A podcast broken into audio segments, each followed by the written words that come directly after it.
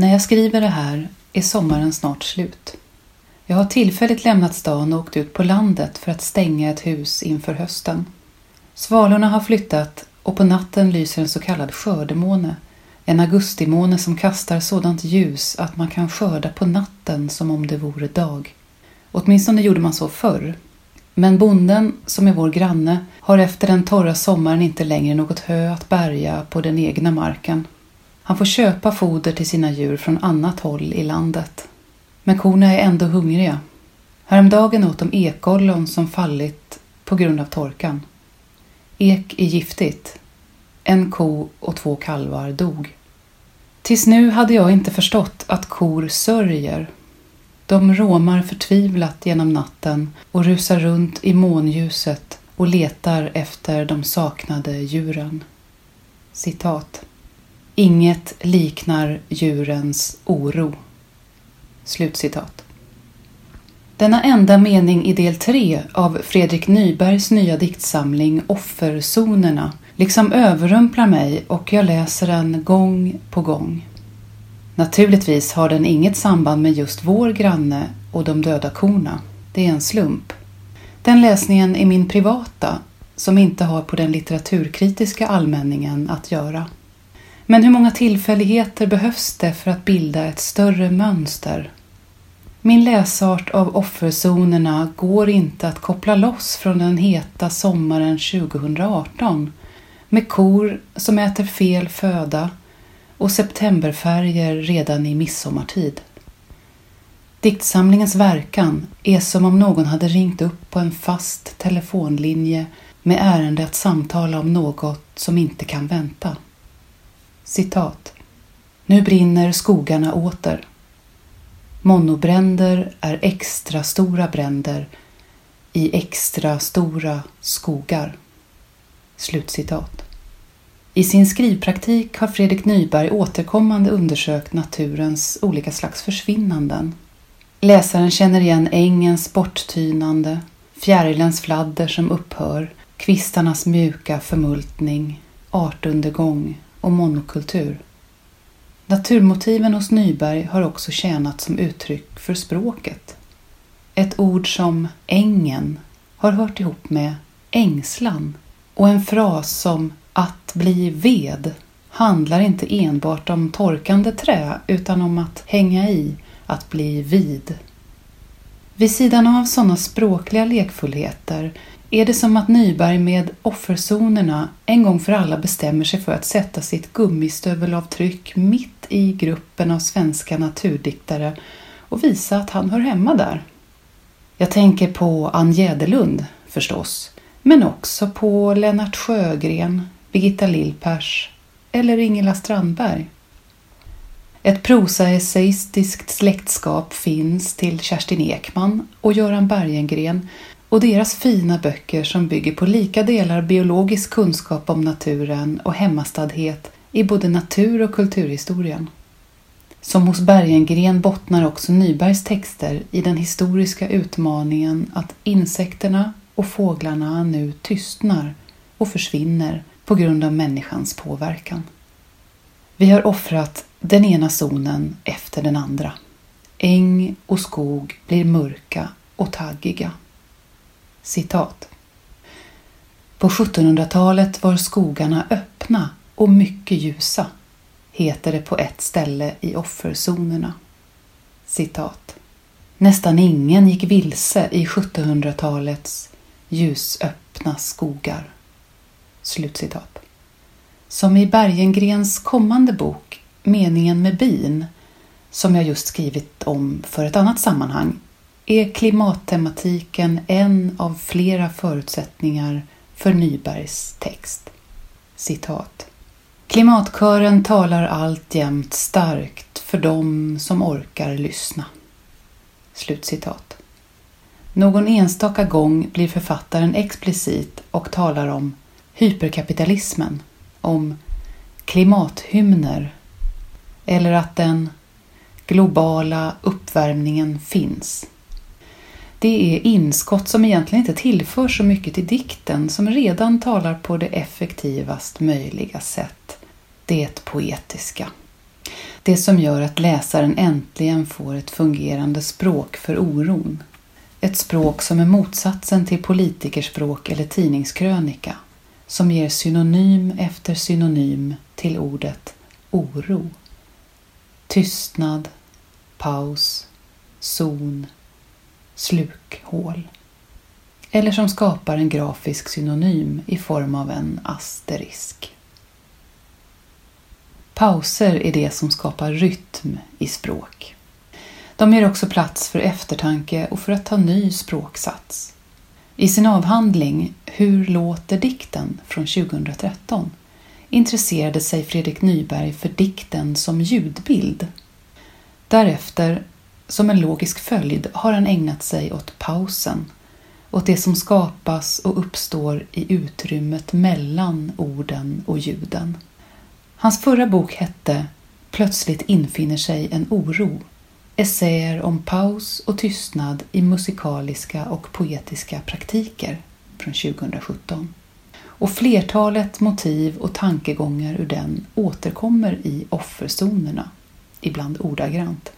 Den nya diktsamlingen hyser nämligen vad som närmast får beskrivas som ett begär till pausen, till pauseringen både formmässigt och tematiskt. Från de grafiska mellanrummens fallgropar och diken i form av asterisker eller dubbla mellanslag till naturens sätt att upphöra och till de obesvarade frågorna om gudarnas tystnad. Citat. Plötsligt slutar kärret helt att slutta. Bisamhället är blysamhällets motsats. Varför griper gudarna inte längre in? Slutcitat. Dialogen med den klassiska traditionen känns igen från tidigare diktsamlingar. Bitvis hackig och dekonstruerad, men likväl. Även sången är ett klassiskt återkommande uttryck för Nybergs diktjag. Ett diktjag som kanske hellre skulle kallas diktröst. Citat. Vad hör du nu, från språkets inre. Jag vill sjunga svagare och lägre. Slutcitat. Sången har med Orfeus att göra, solgudens son. Han som sjöng så vackert att hela naturen stannade upp för att lyssna och som med sin sång kunde föra tillbaka Eurydike från dödsriket. Länge talades det om den orfiska reträtten i svensk poesi. Men Fredrik Nyberg ger här, liksom i sin förra diktsamling Slingorna och undergången, plats åt Orfeus i form av en poetgestalt kallad Han som vänder. Förmågan att vända är till att börja med metrisk, hantverksmässig. Den betecknar skrivandet som rimsmedja och verstillverkning. Jag tolkar det som den urgamla bilden av plogens vändande som också är poetens adderande av versrader, en efter en. Verso på latin betyder jag vänder och det finns också något uppbyggande i det ständiga vändandet i Nybergs poesi av en rörelse som bryts i sin motsats för att därefter omedelbart brytas igen. Förmågan att vända är i förlängningen också symbolisk och självrefererande. På många sätt beskriver den både diktsamlingens struktur och textens ständiga återvändande till språket som motiv och möjlighet. Teckentillverkning är lika med hopp, heter det på ett ställe. Tyget som är lindat runt såret består av mycket tätt trädda trådar, heter det på ett annat. Jag läser det som en bild av en tät, läkande språkväv. En formmässig aspekt på vändningen som rörelse ligger också i Fredrik Nybergs sätt att använda trokeisk vers, det vill säga den baktunga takt som består av en betonad och en obetonad stavelse. I offerzonerna är det som att den trokeiska jämna takten bär av mot sekvenser av brist och sönderfall, som i andra och tredje versraderna här. Citat. Är gränsen mellan vänster och höger hjärnhalva alls viktig? Haren alstrar helt sin egen värme. Var tar underjorden sedan vid? Slutcitat. I tidigare diktsamlingar har Fredrik Nyberg ofta sökt sig till gränstillstånd och använt grepp som bygger på en baklängesprincip, till exempel genom att strukturera händelser i omkastad ordning eller genom att stava ord baklänges. Som textrörelse skulle jag beskriva offerzonerna som isärglidande, centrifugal. Den sammanhållande kraften finns, omvänt, i sifferstrukturer och en röst som strävar att hålla ihop textens delar. Precis som ett klassiskt drama består offerzonerna av fem delar. Den som läst Fredrik Nybergs tidigare böcker vet att författaren gärna strukturerar sin text utifrån en eller flera siffror, som i diktsamlingen Nio, Nine, Neun, Nöff från 2008. Siffrorna skapar regler och struktur men sätter också igång spelsystem i texten. I den första delen av offerzonerna är siffran 8 den centrala. Den siffra som, om man lägger den ner, också bildar tecknet för oändligheten. Den här delen består av vänsterställda åttaradingar med mycket rim i sig och med arketypiska figurer som häxa, orm, ros, grotta eller bokstavstecknet omega. Innehållsligt bildar de tio åttaradiga stroferna en exposition över vad som ska komma sedan. De ger också en poetisk deklaration. Jag rimmar för att få veta sådant jag inte redan vet. I den andra delen, som är förhållandevis lång, möter först femradingar korsvis ställda. Här beskrivs fjärilen och dess förvandling in i nedåtrörelse, sänkning, nedbrytande. Därefter kommer prosalyriska stycken med delar som kopplar tillbaka till essäboken Plötsligt infinner sig en oro. Här finns tumultet och lekarna, barnen och reglerna i stycken som ställda bredvid varandra skapar en inbördes lekordning. Citat. Skuggleken har skuggregler. Skogsleken har skogsregler. Barnleken har barnregler. Riddarleken har riddarregler. Ängsleken har ängsregler. Slutcitat. Här finns rädslorna och beskrivningen av världen som också består av tält, lägerplatser, uppbrott, knivar under kudden. Det är på samma gång en glimtbelysning av ett samhälleligt nu och samtidigt något uråldrigt. Diktraderna blir glesare, där finns en flykt in i skogen. I slutet av sviten vrids volymen upp. Texten blir högljudd och minsta skakning skapar stress, som dikten själv uttrycker det. Den tredje delen består av bara en enda mening, den om djurens oro som jag citerade i början av recensionen. Den fjärde sviten heter Se sönderslagna slingor. Ja, de Nybergska slingorna är med i den här boken också. Den består av sjuradingar med inskjutna meningar i versaler. Om man ska teckna en spänningslinje över texten så är det i den fjärde sviten som allt stegras och en gräns mellan liv och död passeras. Där finns pusselbitar som läsaren själv får foga samman. Blommor som läggs på marken och en mamma som inte svarar i telefon när jaget ringer. Det är både smärtsamt och mångfacetterat på ett sätt som inte bortser från det svåra eller fula. Han som räknade på fingrarna bad mamma att sluta klaga på verken i leden.